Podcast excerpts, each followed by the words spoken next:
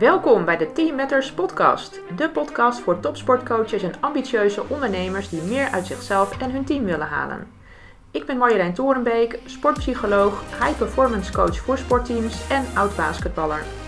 En ik ben Karin Wening, oud waterpoloer, bouwer en opsteller van dreamteams binnen organisaties vanuit systemisch perspectief.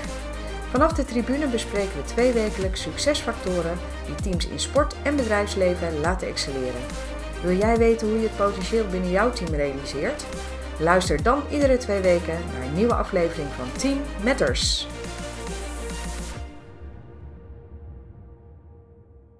Hey Team Matters fans, welkom terug bij aflevering 5 van Team Matters. In onze vorige aflevering bevonden we ons op de tribune bij het EK Dames Waterpolo. Daar zagen we Nederland zegevieren tegen Griekenland en leiderschap de centrale rol spelen tijdens onze aflevering. Vandaag in aflevering 5 verschuiven we de focus naar een ander cruciaal aspect: rolverdeling. We zitten op de tribune bij een dames basketbalwedstrijd in de Eredivisie. We duiken in de dynamiek van rolverdeling. En zoals gebruikelijk sluiten we af met praktische tips die zowel in de sportarena als op kantoor van onschatbare waarde zijn. Benieuwd? Laten we het spel beginnen en luister mee naar aflevering 5 van Team Matters. Ja, en vandaag duiken we in de succesfactor van rolverdeling. Marjolein, waarom is het een belangrijke succesfactor? Ja, een goede rolverdeling is uh, echt super belangrijk, omdat het ervoor zorgt dat iedereen weet wat hij moet doen. je hebt superveel taken en opdrachten en verantwoordelijkheden in een team. Uh, ja, die moeten allemaal wel door iemand opgepakt worden of, uh, of uitgevoerd. Mhm. Um, daarnaast ook dat ze elkaar kunnen aanvullen en ook soms dat ze elkaar rollen kunnen overnemen. Hè. Dus het is belangrijk om ja, een heldere rolverdeling met elkaar te hebben. Uh, want daar voorkom je bijvoorbeeld mee dat er ruis ontstaat, of uh, stress, of, of, miscommunicatie, en uiteindelijk natuurlijk fouten. Ja, en omgekeerd leidt het ook tot succes natuurlijk. Want daarbij moet ik dan meteen denken aan het iconische duo van Michael Jordan en Scottie Pippen. Oh ja. Want uh, ik weet nog wel dat ze aangaven dat eh, Michael Jordan bij de Chicago Bulls kwam. En het lukte gewoon helemaal niet. En op het moment dat Scottie Pippen eigenlijk die ondersteunende rol pakte en echt hem goed de ballen aanspeelde, ja, toen kwam hij eigenlijk pas tot echt tot scoren en werd dat team uh, ja, uh, zeer succesvol. Uh, het resulteerde namelijk zelfs in zes keer winst in de playoffs voor de Bulls. Dus zo zie je dat zo'n uh, Pippen echt bereid was om Jordan te ondersteunen met de juiste ballen. Ja, elkaar de, ja, de bal toespelen is hier wel heel, uh, heel duidelijk. Maar de rollen um, echt innemen daarbij. Ja, en dan kan er dan maar één de sterspeler zijn op dat moment. Of dat bleek, dat, dat, dat was de uitkomst. Ja, ja exact. Ja. Dus die uh, rolverdeling legt wel het fundament voor succes in sport. Maar ook dus eigenlijk best in organisaties, kan je zo bedenken. Ja, ja, dit is inderdaad een heel mooi voorbeeld daarvan. En helemaal in stijl, want uh, inderdaad, we zitten bij een basketbalwedstrijd vandaag. Dat is mijn sport, hè. Vorige keer zaten we bij waterpolo. En uh, we bezoeken, uh, zoals je in de intro al hebt kunnen horen, een wedstrijd in de dames eredivisie. En dat is in Nederland het hoogste niveau. En het is vandaag een wedstrijd tussen, het is een wedstrijd dat, tussen een team dat in de top 3 staat tegen een team dat bijna onderaan staat. Ja, superleuk. En ik ben even benieuwd, Marlijn, kun jij iets meer vertellen wat de link is dan tussen rolverdeling en de sport basketbal? Ja, um, nou kijk, ik denk eigenlijk een duidelijke rolverdeling is in, in ieder team in elke sport belangrijk. Um, hey, ik zei het al, uh, belangrijk dat alle taken aan uh, iemand zijn toegewezen. Dat iedereen weet wat van hem wordt verwacht. Dat ze van elkaar kunnen verwachten. Dat ze elkaar kunnen aanvullen in hun rollen. zoals jij al mooi het voorbeeld gaf van Jordan en Pippen. Dus ik denk eigenlijk dat het niet specifiek is voor basketbal. Maar tegelijk ook, dit is weer een hele snelle en dynamische sport. Hè? Ja, dus als je dan goed presteren, dan uh, moeten ook de details kloppen. Uh, en een duidelijke rolverdeling uh, hoort daar dan natuurlijk wel bij. Ja, elkaar aanvullen is daarbij ook inderdaad wel essentieel. Ik moest ook echt wel duiken in al die posities, hè? In 1 tot en met 5 ja, en de benamingen. Ja. ja, ja, ja, ja. maar jij bent ook vast weer in het onderzoek gedoken. Dus wat ben jij zo al verder tegengekomen? Ja, zeker. Ik ben er weer voor gaan zitten hè, om eens even uh, te kijken van wat is er zo al bekend over rolverdeling in de sport. Um, eerst misschien goed om even een soort definitie te geven. Waar hebben we het dan over? Um, nou ja, dat wordt dan geformuleerd als een set van gedragingen die we verwachten van een individu in een bepaalde situatie. Uh, zoals in dit geval een sportteam in een wedstrijd. Ehm, en om een voorbeeld te geven, misschien, um, Karin, wat, wat, een aanvoerder is een hele duidelijke rol hè, binnen een Ja? Wat verwachten we dan zoal van zo iemand? Ja, de rol van aanvoerder, dan, eh, dan moet ik echt wel denken aan een cruciale rol als, eh, hè, als leider, communicator of eh, motivator van het team. Hè. Ehm, ja, ze nemen snelle beslissingen tijdens de wedstrijden, ehm, sturen anderen aan, vertegenwoordigen het team naar buiten toe.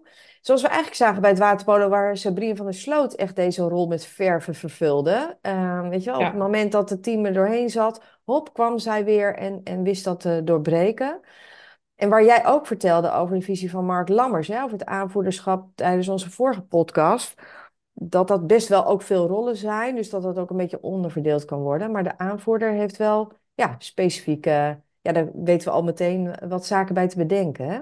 ja, inderdaad. Nou goed, dan kijken we dan verder in de theorie. Dan zien we dat er het onderscheid gemaakt kan worden tussen formele rollen. Die worden vaak besproken met elkaar en vastgelegd. En de aanvoerder is daar dus een mooi voorbeeld van. Mhm. Eh, en je hebt dus ook informele rollen. En die eh, ontstaan vaak gaandeweg het seizoen door de interacties binnen de groep.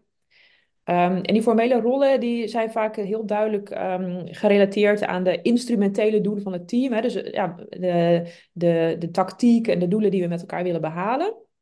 Uh, en, en andere voorbeelden naast de aanvoerder zijn bijvoorbeeld de teammanager, de hoofdcoach. In het basketbal heb je de point guard. Uh, in het volleybal de paasverloper. Hè. Dat zijn posities die, waarvan we eigenlijk allemaal wel weten wat ongeveer dan de rol is. En dat kan natuurlijk per team nog weer een beetje verschillen. Ja, ja, Wat dan je helder. taken zijn. Ja, en, en Marlijn, eh, Hm. nog even, ehm, de rol van point guard. Wat is dat dan voor onze luisteraars? Zij zijn spelverdelers, toch? Ja, klopt. Ja, dat Ja, zijn ja. inderdaad de spelverdelers. Ja. Um, Nou goed, en als je dan kijkt naar de, naar de formele rol in een spelersgroep, dan um, zijn er twee dingen super belangrijk, blijkt uit het onderzoek. Uh, ten eerste heb je dan te maken met rolduidelijkheid. Dus het moet voor iedereen duidelijk zijn wat ieders rol in het team is. En dat lijkt echt een, weer zo'n open deur. Maar uh, ja, de, het, ja, de realiteit is vaak dat, uh, dat het toch niet helemaal duidelijk is van zichzelf. Wat wordt er van mij verwacht en van elkaar? Terwijl als je dat dus heel duidelijk hebt, dan ontstaat er veel minder ruis. Ja, Uh, herkenbaar. ja, dus dan is het goed dat je bijvoorbeeld met elkaar bespreekt en, en ook ja, zelf vastlegt, maar dat ook echt doet. Wat, is, wat verwachten we dan van die aanvoerder? Wat verwachten we dan van de teammanager? Wat verwachten we dan van de point guard? Wat doet hij wel, doet hij niet? Ja, Uh, we denken dus vaak dat het best wel duidelijk is, maar als je het dan, er dan over hebt met elkaar, dan blijkt dat die verwachtingen niet altijd 100% kloppen en matchen met, met elkaar. Dus het is heel belangrijk om dat ook uh, ja, goed met elkaar door te spreken, om zoveel mogelijk onduidelijkheid te voorkomen. ja, zeker. Dit is zo herkenbaar in het bedrijfsleven. Ehm, de rolduidelijkheid die essentieel is en waar je eigenlijk geregeld nog hoort vragen of opmerkingen ehm, over die onduidelijkheid van wat bij wie hoort. Bijvoorbeeld in een teamvergadering ontstaat er onduidelijkheid over wie verantwoordelijk was voor een belangrijke taak, bijvoorbeeld. Oh ja, En ja. uh, ja, dan hoor je opmerken als ik dacht dat jij dat deed. Of, uh, oh, niemand vertelde me dat dat mijn verantwoordelijkheid was. ja, herkenbaar. ja, echt zo'n situatie waarop je denkt, nou, uh, nee, lijkt niemand bereid te zijn om de verantwoordelijkheid op zich te nemen. Hè? Mensen wijzen naar elkaar, er heerst aarzeling en de algehele sfeer wordt dan een beetje gekenmerkt door gebrek aan duidelijkheid. Wat jij ook al zei, hè, met die ruis. Ja, precies, ja. Ja. Maar hoe interessant, omdat er eigenlijk wat in het bedrijfsleven niet vaak gebeurt, dan krijg je je functieomschrijving, that's it. Maar om daar gewoon echt juist wel met elkaar over te praten. Hè, zoals Ja. eigenlijk in de sport. ja. Dus, ja, Oké, komen we straks nog op, denk ik. ja, zeker. Ja, leuk. Ja, hey, en als je dan dus uh, verder kijkt, uh, wat is nog meer belangrijk dan uh, naast de rolduidelijkheid? rolacceptatie. Mm Oké, okay, dan hebben we allemaal die rollen verdeeld of toegewezen. Maar wil jij in dit team wel de point guard zijn? Hè? Als om een concreet voorbeeld te geven. Misschien ben jij in dit team wel nodig in die rol. Misschien tijdelijk of het hele seizoen. Maar speel je eigenlijk liever op een andere positie. Dat hoor ik nog best wel vaak terug van sporters. Dat ze daarmee Ja. worstelen. Van ja, ik wil eigenlijk niet hier staan. Maar ja, de coach vindt dat ik dat, dat toch moet doen dit seizoen. Ja, Um, dus acceptatie is belangrijk, maar denk dan ook bijvoorbeeld aan spelers die minder vaak of minder lang worden opgesteld uh, tijdens wedstrijden of wanneer het team al lang voor staat. Um, hè, dus die, die mensen heb je ook in je team en dat is niet altijd leuk. Um, en dan is er wel een bepaalde eh, acceptatie nodig om gedoe of, of rok, hè, dat kan soms, soms ook een beetje onderhuids eh, spelen, Ja, juist te voorkomen. ja, precies. Eigenlijk zo'n open hou- houding hè, daarbij en het eh, teambelang Ja. ook voor ogen houden. Ja, ja, precies. Maar ja, uiteindelijk heeft iedereen ook natuurlijk zijn eigen belang. Dat is Ja, herkenbaar. En ik denk daarbij ook wel aan de focus vanuit talent, toch? En toegevoegde waarde aan het geheel. Want eh, ja, je kan bijvoorbeeld als ehm, point guard kan je natuurlijk wel juist dat talent hebben om snel en, en eh, eh, weet je wel, het overzicht te hebben en dat soort zaken. Dus ja, waardoor het geheel juist gaat stromen. En soms heb je, denk ik dan ook, hè, andere talenten die je zelf nog niet hebt ontdekt, maar andere, zoals je coach, misschien wel al in jou zien. En door hier dan nieuwsgierig naar te zijn ja, kun je dit gewoon aangaan en is ehm, eh, verrast kunnen worden over wat het dan oplevert. Ja, precies. En dan bekijk je het eigenlijk meer vanuit die positieve bril. Hè? Want jij zegt van wat is Ja, jouw, jouw toegevoegde waarde? Ja, dat, dat is niet alleen dat jij er pas inkomt als iedereen al gespeeld heeft. Je- waarschijnlijk heb, heb jij veel meer te bieden en te brengen aan dat team. En dat dan ook met elkaar zo kunnen gaan zien. Eh, en dan kom je misschien wel uit op de informele rollen. Eh, ja.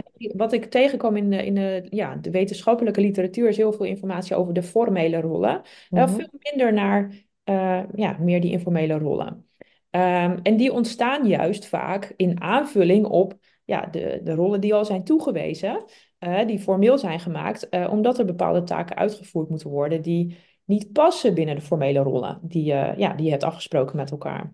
Ja, ja, dat zie je inderdaad vaak gebeuren. Heel benieuwd naar een voorbeeld. Ja, ehm, even denken. Ehm, nou, stel dat je, dat zie ik nog wel eens, een team hebt met heel temperamentvolle spelers. Mhm, die kunnen dan vaak botsen met elkaar of clashen. Hè? Dat is gewoon heel veel Ja, energie. Eh, soms positief en soms negatief. En dan ontstaat er misschien wel behoefte aan een soort peacemaker in de groep. Hè? Iemand die, eh, ja, die conflictjes ook weer een beetje kan eh, managen. ja, Ehm, als iemand dan in, als er iemand in de groep is die dat dan kan en die zich ook geroepen voelt om dat te doen, dan ontstaat dus eigenlijk zo die rol van vredestichter. Hè, degene die dat, die dat ja, zich geroepen voelt om daarin te, te bemiddelen, bijvoorbeeld, of het te sussen. En dat is dan niet een rol die wordt toegewezen door de coach. Dus die ontstaat eigenlijk. ja, Ja, en ehm, Kijk, en die informele rollen die kunnen wel te maken hebben met de taakaspecten, maar dus ook met de sociale aspecten. En, en die peacemaker is daar natuurlijk een mooi voorbeeld van. zeker. Ehm, en dan, hè, als je een- zo'n bankspeler of iemand die dus niet direct eh, in de basis eh, wordt opgesteld eh, iedere week, eh, die kan juist met zo'n informele rol, of misschien meerdere informele rollen, van grote toegevoegde waarde zijn aan dat team. Dus als, ja, op een andere manier heel belangrijk eh, zijn voor het functioneren van dat team. Ja, zeker herkenbaar. Ja. En ehm, nou, wat ik verder nog tegenkwam, eh, is dat je rollen hebt die een positieve uitwerking hebben op het team. Die hebben we natuurlijk heel graag, maar dat je ook rollen hebt die juist een negatieve uitwerking kunnen hebben op het team. Hmm, dus naast de vredestichter, bijvoorbeeld ook een, eh, een advocaat van de duivel of de criticaster, kan ik dan zo voor mij zien? Of Ja, ja, op zich kan dit dan ook nog functioneel zijn, hè? Maar ga door, ik ben ja. benieuwd. Ja. Ja, nou goed, ik, ik stuitte dus op een Amerikaans onderzoek. Dat ehm, is uitgevoerd in verschillende grote Amerikaanse sporten, zoals basketbal, maar ook eh, voetbal, Mhm. American voetbal ook en rugby. Ehm, en dat onderzoek liet zien dat er eh, twaalf verschillende informele rollen in een sportteam kunnen voorkomen. Zowel positief als negatief dus. Nou, dat zijn een boel. Kun je er een aantal noemen? Ben. Ja, eens even kijken. Zo, eh, wat ik wel mooi vond, is de, de zogenaamde spark plug. plug. Eh, degene die de boel kan ontsteken. Dus eh, die ineens eh, ja, het vuurtje kan doen ontvlammen, zodat eh, het team misschien eh, toch weer een inhaalrace maakt of juist eh, de wedstrijd naar zich toe weet te trekken. Het Oké. doet wel een klein beetje denken aan de motivationeel leider, die Ja. we vorige keer bespraken toen het ging over leiderschap.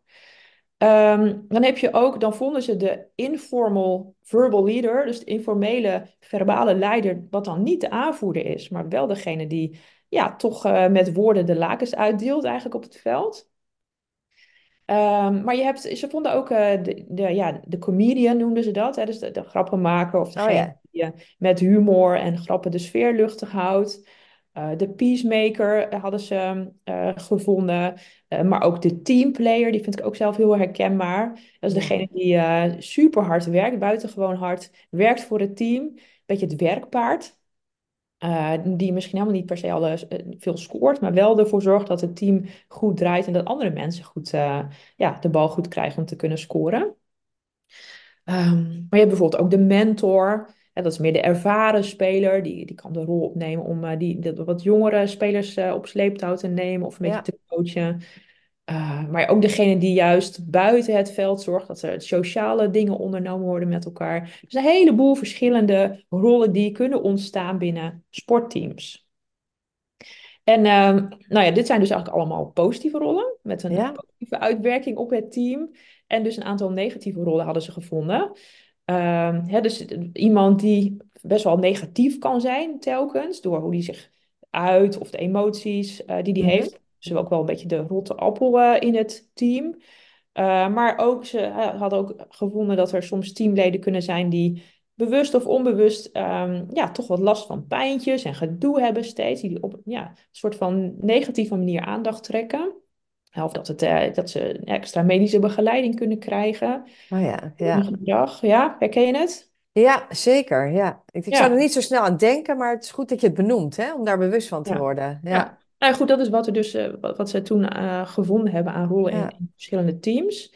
En ook, dus eigenlijk drie negatieve rollen. De, ja, de distractor noemden ze dat.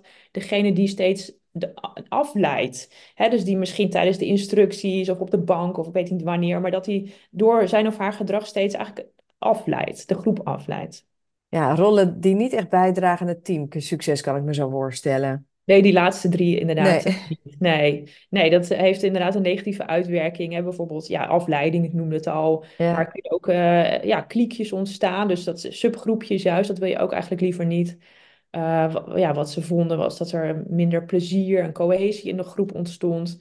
Dat spelers zelfs een beetje kunnen gaan afhaken. Eh, dus dat Hmm, is eigenlijk best wel, eh, ja, dat zijn niet de negatieve effecten die je graag wilt natuurlijk op je team. Uh, nou, nog één ding wat ik wel interessant vond uh, om te lezen, was dat die rol van die comedian, die uh, grappenmaker, die kan dus positief zijn, hè?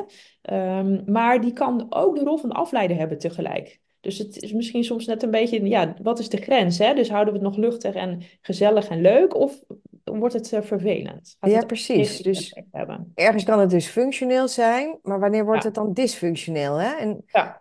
Ja, vanuit systemisch perspectief eh, perspectief komt bij mij dan de vraag naar boven: wat, ja, wat laat dit gedrag dan zien? Hè? Wat is dan de goede intentie achter dit gedrag? En Mhm. eh, als we dan uitgaan dat systemen altijd weer een geheel willen vormen, wat mag dan misschien niet lukken? En soms is iets dat ook eindig en laat het ook zien dat je ja, inderdaad van iemand afscheid moet nemen of moet loslaten, of oud gedrag moet loslaten, of patronen, eh, stoppen met bepaalde patronen. Eh, ja, dat kan ook de weg naar de oplossing zijn. Ja, Mega interessant, uh, Marjolein. Ja. Ja, en ik zat er al een beetje op te wachten dat je dit ging inbrengen. Ja. Maar inderdaad, ja, je, je kan het je gaan afvragen. Hè? Wat maakt dat in een sportteam iemand in een seizoen zo'n rol dan gaat innemen in de groep? Ja. Eh, want ja, ergens ga ik er toch vanuit dat iedereen eh, in principe op een positieve manier wel wil bijdragen aan het, eh, aan het team en aan het teamresultaat. Ja, Ja. dus dat is ja, een interessante vraag. Ze Ehm, nou maken deel uit van meerdere systemen. Hè? Dus je hebt je team ja, van je sport en natuurlijk ook wat je nog meeneemt van huis uit, zullen we maar zeggen. ja, Dus ja, dus ja. soms weet je dat ook niet. Ja. Klopt, ja. Het kan ook mm, ja, ja, misschien wel te maken hebben met een stukje onvrede of onzekerheid binnen de groep. Hè. Dat, Ja. ja, dat kan zich ook op een bepaalde manier uiten die eigenlijk niet wenselijk is. Maar ja, dat is dan de manier waarop het eh, gebeurt, ja. Ja. En nu hebben we dus veel gesproken over de spelersgroep, maar de, heel veel teams eh, hebben een begeleidingsteam nog om zich heen. Dat is weer een team eh, boven het team, of binnen het team, hoe je het maar bekijkt. Ehm, en die hebben ook natuurlijk weer hun eigen rolverdeling. Uh, denk de hoofdcoach, maar er is ook vaak wel een assistentcoach of een teammanager of allebei. Uh, Ja, dat gaan we dan eh, ook zo zien, denk ik. ik denk het ook wel, ja. En um, ja, ook zeg maar voor zo'n de sta staf is het ook nodig om een rolverdeling te hebben. Want um, ja, in NL Coach heeft eind 2023 een e-magazine uitgebracht, heel mooi, waarin de verschillende rollen van de coach, de sportcoach, één voor één uitgelicht worden. Uh, en daar hebben best wel veel bekende mensen ook aan meegewerkt. Bijvoorbeeld uh, Jeroen Dalmee, de bondscoach hockey, heeft daar een uh, artikeltje ingeschreven. En dit heet De coach als duizendpoot. Het onderscheidt maar liefst tien rollen van een coach. Hmm, interessant, waar moet ik dan zo aan denken? Uh, nou ja, goed. Uh, je hebt natuurlijk de, de coach als fysiek trainer, de motivator, de teambuilder, de talentontwikkelaar. Hè. Dat zijn zomaar vier van die rollen die um, in, uh, in dat magazine beschreven worden en uitgelegd en toegelicht. Maar ja, je kunt natuurlijk niet, tenminste, ik denk niet, nee. al die rollen zelf vervullen. Hè. Dat, ja, dat is heel handig dat je daarvoor mensen betrekt die je daarbij helpen. Ja, want zoveel rollen inderdaad. Het schaap van de vijf poten horen we dan wel eens, hè? En dat soort zaken. Maar deze e-magazine gaan we natuurlijk delen in de show notes, hè? Zodat de ja. luisteraars dit kunnen teruglezen. Ja, goed idee, ja. Um, ja, dus het is slim om dan op zoek te gaan naar een assistent of een teammanager of nog wat andere mensen die je kunnen aanvullen vooral. Ja, precies. Um, hè, dus ben je st zelf sterke, sterke strategie, Strateeg. Ben je zelf een echte strateeg? Ja. Uh, ben je tactisch heel sterk? Uh, maar ja, heb je misschien, kan je goed iemand gebruiken die juist uh, heel erg oog heeft voor het individu, die op dat vlak een goede aanvulling kan zijn. Ja. Nou ja, goed. En wat, wat ik dan ook weer leuk vind, is binnen zo'n begeleidingsteam heb je ook waarschijnlijk weer die informele rollen. Hè, die dan op verschillende manieren in verschillende personen terug kunnen komen.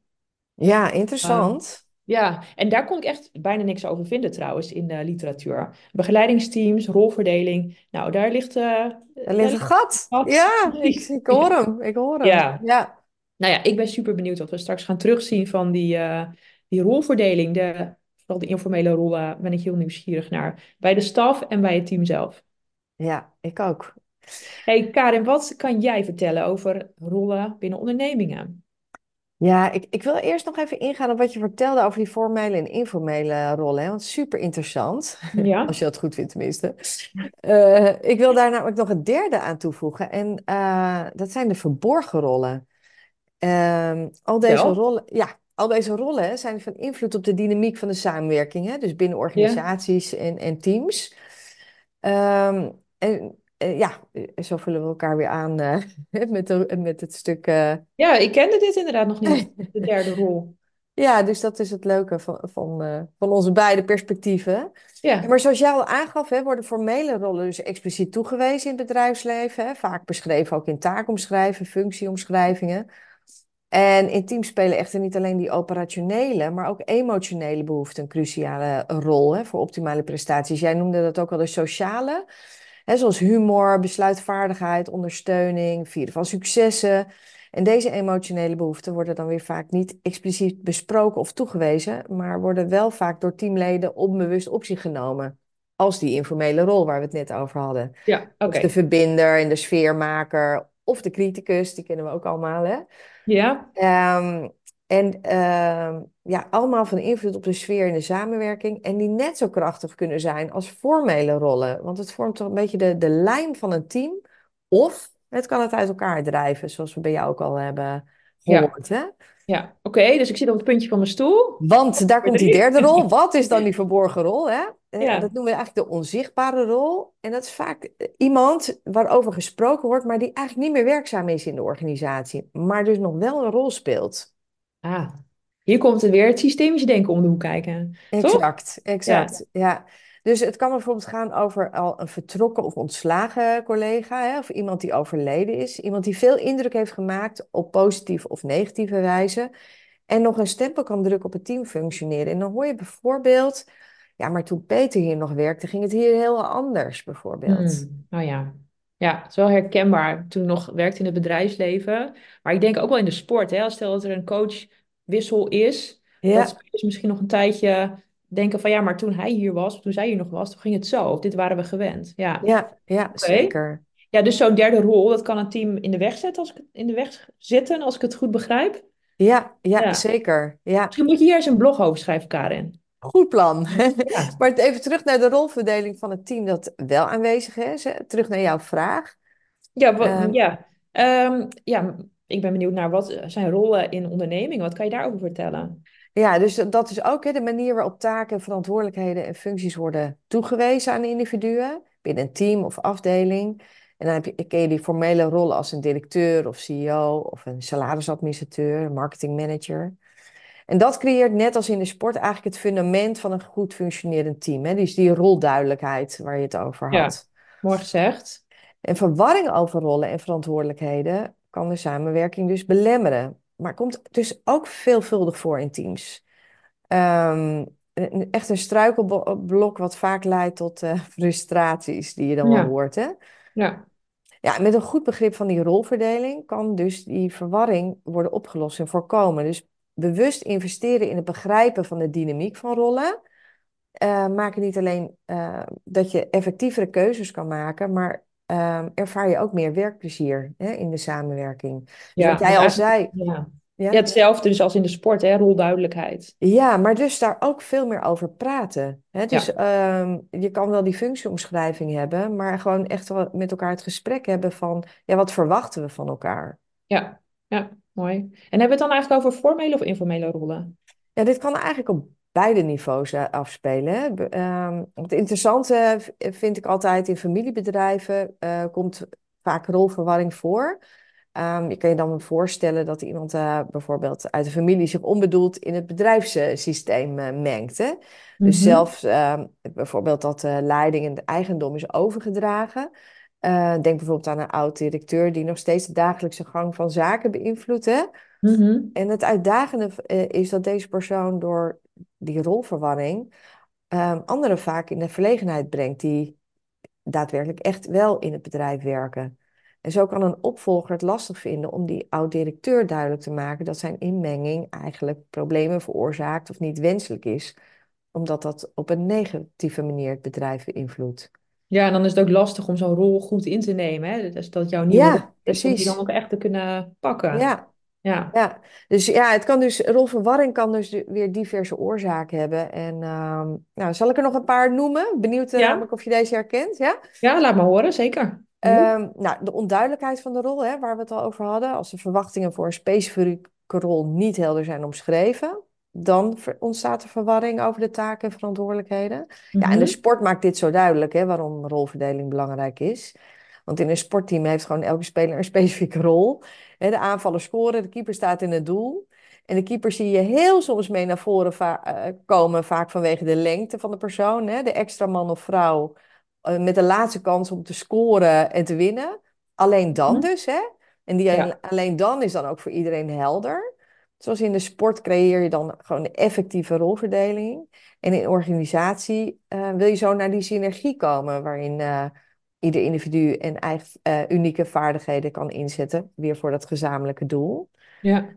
Mhm, Ehm, dus vanuit de behoeften van de organisatie en de competentie en het talent van de persoon en de persoonlijkheid, ja, dat komt dan allemaal bij elkaar.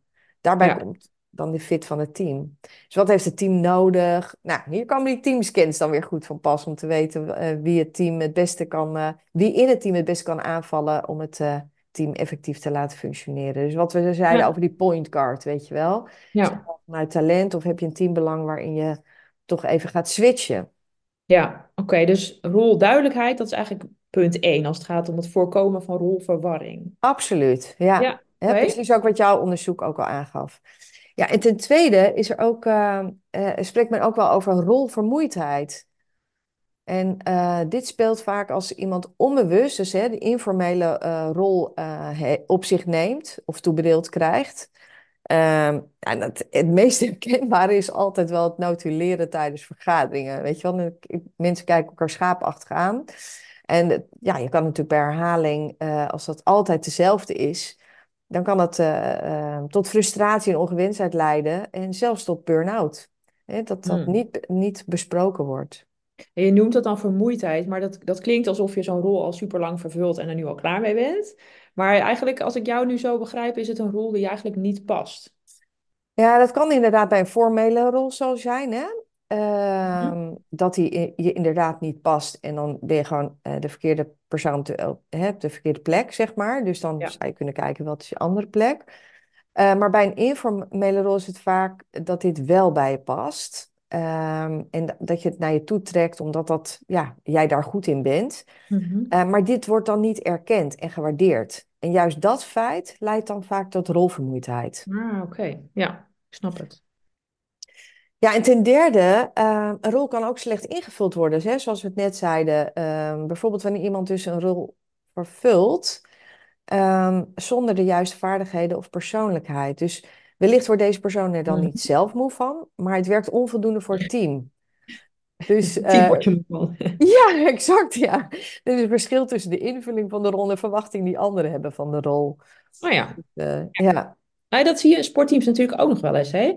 Eh, ik bedenk bijvoorbeeld wanneer een jonge speler nog niet, niet de kwaliteiten heeft op een bepaalde positie op een bepaald niveau te spelen. Nog ja. kan groeien. ja, die kan echt groeien. Maar als je echt iemand hebt, zeg maar, die, ja, die eigenlijk al va- vakvolwassen, noemen we dat in de organisatie, zou moeten zijn, ja, dan moet je eigenlijk ook echt, eh, ja, dan moet je met elkaar dat gesprek voeren van, ja, is dit het wel? Hè, met elkaar. Ja. ja. Maar mooi voorbeeld. En eh, ja, ik ga nog even door. Ik heb nog een vierde rol. Ehm, want in de loop van de tijd kunnen rollen natuurlijk ook overbodig worden. Hè? Hele branches en functies zijn eh, verdwenen.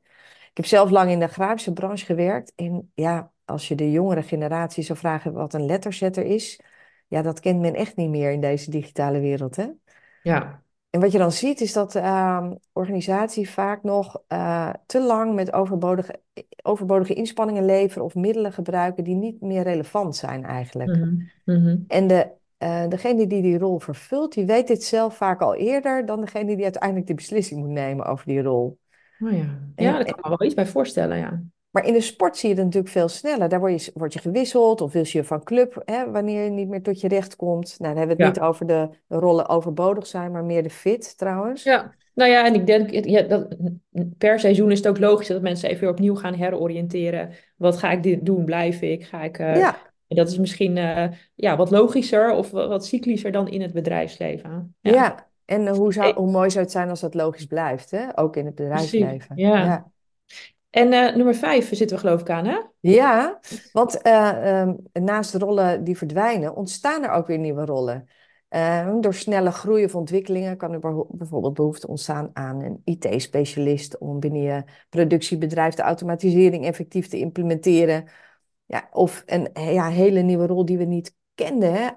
AI-specialist of zo. Hè? Het Ah ja, ontstaat.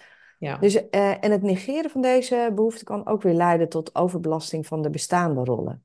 Want? Hoezo? Ehm, dan blijf je te lang doorgaan op de oude manier, terwijl er ehm, eigenlijk eh, betere oplossingen zijn die sneller gaan, waarmee je moet concurreren. Oké. Oké, Oké, als ik dan even mag samenvatten, ik heb een klein beetje te meeschrijven, eh, een beetje vijf Ja. Gedoe met rollen, dat kan het gevolg zijn van rolduidelijkheid, rolvermoeidheid, eh, het slecht invullen van de rol, het overbodig worden van een rol en het ontstaan van nieuwe rollen. Klopt dat? zeker. Ja, goede samenvatting. Dat is wel interessant, denk ik, voor de luisteraars om eh, hier eens over na te denken. Hè? Dus vooral de ondernemers, hoe is dit binnen jouw bedrijf? Dus eh, waar, waar gaat het al hartstikke goed en waar liggen, liggen juist misschien wel kansen? Of de struikelblokken, zoals je het net al zo mooi noemde. Ja, inderdaad, want in- effectieve teams herkennen deze dynamieken en ondernemen dan die proactieve stappen, zoals het verduidelijken van rollen, Ja, identificeren van die vermoeidheidssignalen, anticiperen op veranderende behoeften door nieuwe rollen te creëren of overbodige rollen te schrappen. Ja, en dat bevordert natuurlijk die gezonde en evenwichtige teamstructuur. ja. Nou, mooi gezegd weer. Nou, genoeg gepraat, Marjolein. Ik heb zin om de wedstrijd te bekijken. Zullen we gaan? Ja, laten we naar binnen gaan. Ja, je ziet de assistentcoach echt zich richten tot de bank hè, en, en interactie opzoeken. Je ziet eh, de speelsters ook met hem in gesprek. Je ziet handgebaren. En je ziet die hoofdcoach echt zich gericht op het team. Hè? Duidelijke Ja. rolverdeling. Ja, het is nu even een doodspelmoment. Ik vind het heel opvallend dat die speelsters heel duidelijk nog met elkaar afstemmen. Jij hier, of even nog een vraag en wijzen. Dus echt duidelijk die rol afstemmen met elkaar op het veld. Ja, je hebt allemaal van die gebaren. Hè?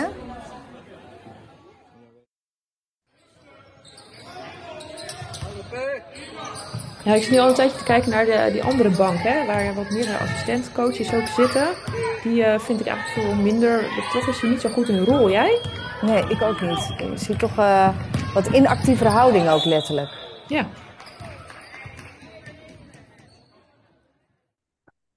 Ja, Marjolein, het was niet echt een spannende wedstrijd, hè? Nee, dat was het niet. Maar ik vond het wel een interessante wedstrijd overigens. In meerdere opzichten. Ja, vertel, wat heb jij al zo al gezien? Nou, allereerst, en dat is eigenlijk even los van die rolverdeling. ehm, het was natuurlijk een wedstrijd tussen een top 3 team tegen een van de eh, minder presterende teams in deze competitie. En toen bleek ook nog dat dat ene team, dat eerste team, op volle sterkte eh, verscheen en het andere team juist helemaal niet. En dus dan denk je op voorhand van, nou, dit kan wel eens een monsterzege worden. Eh, maar dat gebeurde niet. Sterker nog, wat ik zag, wat wij eigenlijk allebei zagen, hè, het betere team begon de wedstrijd juist heel stroef. Eh, het lukte eigenlijk niet zo in eerste instantie. En dat zie je wel vaker gebeuren. Heb je een goede tegenstander, eh, een betere wedstrijd, dan kan je een hoger niveau halen. Maar eh, ja, als het dan een wat mindere tegenstander is, dan, ja, loopt het wat stroever vaak. Ja, waar ligt het dan aan, hè? Ja, zeg het Gebrek aan, maar. gebrek aan focus. ehm, Ja, dat denk ik. Ja, hè. Misschien juist de verwachting van we gaan dit toch wel winnen en dan dus niet scherp beginnen. Terwijl het andere team er juist wel vol en scherp tegenaan gaat. Ehm, ja, ik moet ook denken aan het Ringelman-effect, of wordt ook wel social loving genoenoemd. En nooit van je, gehoord. Vertel. ja, nee, oké, ja, nou ja, dat, naarmate je dus met een grotere groep bent, dat mensen onbewust eigenlijk zich minder hard inzetten. Hè, dus misschien als je met twaalf man komt opdagen tegen een team van eh 6, 7, 8, dat je dan onbewust denkt, nou, kan wel een klein tandje minder vandaag, dat, dan is het nog steeds goed genoeg. En dan, ja, dan zie je dus over de hele linie dat zo'n team net ook wat minder goed presteert. Hmm. Ja, en misschien mist hij daarnaast ook hier wel die sparkplug, hè, waar jij het over had. Ja, al zag ik wel dat er energie kwam van twee speelsters, een point guard en de forward, tweede positie, maar geen echte aanjager inderdaad, hè? nee, iemand die dan echt even de boel kan laten ontbranden, die zagen we niet opstaan. Ja, goed, eigenlijk is het ook meteen toch wel een bruggetje naar de rolverdeling. Hmm. Ehm, en we hadden afgesproken vooraf dat jij vooral zou letten op de staf van beide teams. Dus ik ben benieuwd wat je hebt gezien. Ja, over duidelijke rolverdeling gesproken, hè? Ja, Ehm, ja, het eerste wat eh, opviel was de coach van de uitspelende partij, hè? Luid en duidelijk aanwezig. Sturend, directief, bijna micromanagement. ja, eh management, moet ik zeggen. Ehm, ja, het team was jong en met mijn inschatting dat ze nog wat minder ervaring hadden, eh, ja, was deze hoge betrokkenheid wel van toepassing natuurlijk, hè, vanuit dit perspectief. En eh, ja, als je dat vanuit situationeel leiderschap, eh, zeggen we ook wel eens een echte S1 in vakjargon. Maar ehm, hoe zeg jij dat, Marlijn? ja, ik vond dat ook wel opvallend. Ehm, en daarnaast, als het dan gaat over de rolverdeling, eh, zag ik bij beide teams dat de hoofdcoach duidelijk degene was die langs de lijn stond. Aanwijzingen riep, complimenten ook en aanmoedigingen. En de assistentcoaches een rol vanaf de bank. Ja, ja, helemaal mee eens. Ja. De en de coach van de thuisspelende partij was echt op een andere manier aanwezig. Hè? Rustiger, sturend en bijsturend, maar inderdaad ook langs de zijlijn staand. Dus beide vervulden zichtbaar op eh, eh, duidelijke wijze hun formele rol eigenlijk in. Hè? Ja. Eh, nou, de rol van de assistentcoach is eigenlijk ook formeel helder. Zij assisteren de hoofdcoach, maar ik was wel benieuwd of we duidelijk konden waarnemen welke specifieke rol zij hierin zouden vervullen. Dat werd mij niet helemaal duidelijk. Nee, mij ook niet echt. En vooral bij één van de teams. Daar waren zelfs wat meerdere assistenten aanwezig. Ik had eigenlijk geen idee wie wat Nee. deed. Nee, ik zag ze wel letten op tijd, hè, betrokken bij wissels, met eh, even de, de eh, high five en uitwisseling van waarnemingen. Maar de vraag die je wel bij mij opriep, of hier niet meer winst uit te halen was. ja, ja, in het kader van rolverdeling, hè? Exact, ja. Ja, ja, dat zag ik ook. Ehm, wat ik zag bij het ene team maakte assistent aantekeningen. Bij het andere team zag ik dat niet gebeuren met die meerdere precies. Ja, assistenten. Tijdens de time-outs hadden ze aan beide kanten niet echt een rol, stonden vooral te luisteren. Eh, en, en tot de rust begon. Toen werd het voor mij wat meer zichtbaar. Eh, die assistentcoach die steeds aantekeningen had gemaakt, die nam deze allemaal door met de hoofdcoach. Dat eh, zag je ze echt rustig doen. Voordat ze naar de kleedkamer vertrokken richting het team, zag er wel vrij gestructureerd uit. En bij het andere team leek het inderdaad wat meer over op eh, wat uitwisselen van ja, wat dingen die ze waren opgevallen. ja, En klopt. eh, volgens mij heb jij ook nog even nagepraat met een van die assistentcoaches, hè? Ja, ja, zoals ik zei, ik was wel heel erg nieuwsgierig. En eh, bij navraag bleek inderdaad dat er geen specifieke rol toebedeeld was aan de verschillende assistenten, hè, want er waren er twee, waar, ze, waar de een of de ander specifiek dan op zou letten. Dus ehm, ja, dan vraag, je- vroeg ik me af van hoe je nou als assistent dan nog meer van toegevoegde waarde kunnen zijn? De, de hoofdcoach kijkt dan naar het geheel en als assistent eh, kan je een belangrijk onderdeel zijn bij wissels bijvoorbeeld, of letten op eh, signalen van eh, vermoeidheid, eh, blessuregevoeligheid. De ander zou op de strategie kunnen letten. Dus Ja, hoe speel je in op zonneverdediging? Ehm, ja, welke speelsters heb je die hier een antwoord op kunnen geven? Vanuit welke positie? Allemaal zaken waar je op kunt letten en dan kan toebedelen aan een specifiek persoon. Ja. Ehm, dus eh, benieuwd wat ze hier verder nu mee gaan doen. Maar uit dat gesprek bleek dus dat de eh, onderverdeling niet echt was gemaakt. Hm. Oké, dus eigenlijk iedereen deed alles. En dan denk je dat je ook dingen gaat missen, juist. Ja, en, eh, ja, en dus veel winst in te behalen lijkt mij. En Marjolein, jij zou letten op de informele rollen ehm, vandaag. Yes, ja. Nou, ik heb ehm, de negatieve rollen niet echt gezien vanavond. Bij beide teams niet. Klopt dat? Ja, inderdaad. Bij de team staat er positief in, zoals ik heb kunnen waarnemen, inderdaad. Ja, ja. Ja, en ik heb eh, in beide teams wel die, die ene harde werker gezien. De zogenaamde teamplayer of enforcer. Ehm, iedereen werkte hard. Eh, maar dit waren twee speelsters die echt eh, ja, zichtbaar aan het buffelen waren om kansen te creëren voor de rest van het team. Ja, door mooi. veel te verdedigen, belangrijke steals te pakken. Eh, niet zozeer de puntenmakers, maar juist wel degene die ja, met veel assist en ook heel snel doorpassen kansen creëerden. En Ja, eh, belangrijke rol ook. Enorm, ja. Ja, En verder zag ik op de bank bij een van de teams een speelster die veel de interactie met de anderen opzocht. Dus eh, ja, niet dat ze eh, heel veel grappen aan het maken waren, dat niet. Maar wel, ja, die net even voor een ontspannen sfeer eh, daar zorgde. ja, klopt inderdaad. Ja. Ja. ja, dus dat zou je dan een beetje kunnen zien als de comedian in dat team. En verder zag ik ook duidelijk de rol van de informele verbale leider. En die zag ik terug eigenlijk in de formeel aangewezen aanvoerders. Dus niet in de vorm van een rol naast de aanvoerder, wat je dus, ja, wat dat onderzoek liet zien. Ja. ja, dus we hebben een aantal van deze informele mooi terug kunnen zien, hè? Ja, ja leuk hè? Ja, Dus als je er zeker. zo eh, specifiek op let, dan kun je er ook eh, zo een aantal herkennen. Eh, ja, en overigens laat het onderzoek ook zien dat niet in elk team elke rol terugkomt. Nou ja, dat hebben we hier ook gezien. En ik denk dat sommige rollen ook meer zichtbaar buiten de wedstrijden zijn dan binnen de wedstrijden. Ja, dat kan namelijk ook. Ja, Ja. precies. Hey, zullen we eens proberen om onze observaties te vertalen naar de onderneming en naar de sport in het algemeen? Wil Ja, beginnen? ja, helemaal goed. Eh, nou, we hebben net een wedstrijd gezien waar ik me gaandeweg dus afvroeg hoe de rol van assistentcoaches nou eh, eigenlijk werd ingevuld. Dus eh, hè, we zagen soms wel interactie, vaak ook niet met de hoofdcoach. En op het moment dat je het dan wel ver- verwacht. Ja, Uh, dus hier lijkt uh, veel winst te behalen door vanuit deze rol gespecialiseerder te werken, wat die rolduidelijkheid eigenlijk dan weer ten goede komt. Ja, En uh, die rolduidelijkheid gaven we beide al aan, is cruciaal. Um, in organisaties zie je dit bij, uh, vooral bij organisatiegroei, dat staffuncties worden toegevoegd, hè, zoals IT, HR, finance. En die specialisatie geeft dan eigenlijk de, de slagkracht om complexe problemen aan te pakken en te focussen op de meer strategische ontwikkelingen, groei en ambities van de organisaties, naast het ja, puur uitvoerende, uh, wat ook moet gebeuren natuurlijk. Ja, dus ik hoor je denk ik zeggen, groei zorgt voor meer uitdagende taken. Daar heb je andere of meer rollen voor nodig. En dan is het handig om die ook toe te voegen en daar ja, duidelijk afspraken over te maken. Wat ja, houdt dus, van in of zo'n functie? Ja, dus nog meer specialisme. Hè? Dus strategisch Ja. operationeel. Je ziet er wat meer scheiding her en der. Dus het zorgt voor een gerichte aanpak voor het behalen van succes op het hoogste niveau. Hè? Of het nou eh, de gouden medaille op de Olympische Spelen is, of ehm, eh, het marktleider eh, willen zijn. Ehm, ja, je, je bedeelt eh, specifieke rollen dan toe, waar jij het eerder over had. ehm, dat je het als directeur bijvoorbeeld niet in je eentje kan doen. Ja. Ehm, ja, dus vraag jezelf af, hoe zou het optimaliseren van rolduidelijkheid en specialisatie binnen jouw onderneming of team, of nu in de sport of bedrijfsleven is, kunnen bijdragen aan het bereiken van ja, nog betere prestaties? Ja. ja, dat is een belangrijke vraag. Mooi. Ja, en jij Marjolein?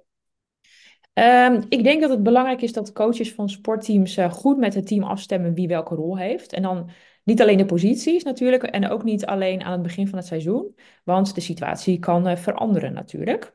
Ja, dus ook per wedstrijd, zoals we gezien hebben in deze wedstrijd eigenlijk. Ja, zelfs nog per wedstrijd eh, kan dat veranderen. Hè? Dus zorg dat er voldoende duidelijkheid is voor iedereen.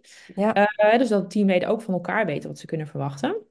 Uh, dus ja, opnieuw rolduidelijkheid creëren. Het is al een paar keer genoemd. Uh, en ik denk dat het belangrijk is dat je oog hebt voor rolacceptatie. Uh, niet iedereen zal de rol of positie van zijn of haar voorkeur kunnen hebben in het team. Ja, sta daarbij stil, heb er oog voor. Wellicht kan je wat veranderingen doorvoeren, zodat zo'n speler beter op zijn plek komt, letterlijk of figuurlijk. Um, ja, en misschien kan dat ook niet, maar dan kan je wel naar de bezwaren of misschien ook wel de twijfels of onzekerheden van zo'n speler luisteren. Ja, misschien heeft hij wat extra coaching nodig en is het dan wel oké voor hem. Ja, mooi gezegd. En wat betreft de informele rollen, ik denk dat het wel interessant en waardevol is om de verschillende rollen eens in kaart te brengen in jouw team. Dus welke van die twaalf informele rollen zijn ingevuld? Um, zitten er misschien negatieve rollen tussen? En ik heb hier over een blog geschreven en dat kun je hiervoor heel goed gebruiken. En nog even een vraagje. Uh, moeten die twaalf informele rollen altijd zijn ingevuld of kan het ook een paar zijn? Dat kunnen er zeker ook een paar zijn, hè? dus afhankelijk van, uh, ja, van, van het team. Ik neem ja, aan, stel je hebt uh, beachvolleyballers, die zijn met z'n tweeën. Ja. Die hebben vast al die twaalf rollen niet nodig. En sowieso die negatieve rollen liever niet. Hè? Dus, um, nee, precies. Uh, ja, hey, maar dit staat ook in de show notes, hè? want het is namelijk super interessant ook voor ondernemers. Dus ehm, ik zou zeggen, downloaden maar. Ja, klopt. En wat is jouw tip Marjolein? Ja, nou, mijn tip gaat hier, borduurt hier eigenlijk op voort. Um, naast rol, duidelijkheid en acceptatie, volgens mij hebben we dat voldoende onderstreept samen uh, in de sport. En dan brengen ze in kaart welke informele rollen er nu al worden ingevuld binnen jouw groep. Um, dat zijn ze misschien niet allemaal. Dan ga je nadenken over welke zijn er wel gewenst. Ja. Uh, en, wel, of, of mis, en missen we dus nog. Uh, en wie kan zo'n rol op zich nemen? En hoe kunnen we ons voordeel eigenlijk doen met die rol? Hè? Want je kunt wel rollen gaan we informele rollen gaan bedenken en toewijzen. Maar als ze nergens toe leiden, dan ja, heeft het ook geen zin. Um, en dit kan je heel goed doen met je team, samen met je team. Dat is een, een mooie, interessante opdracht om dat dus tijdens een teamweekend te doen of een winterstop. Uh, ja, is echt goed uh, voor de betrokkenheid en de cohesie binnen de groep.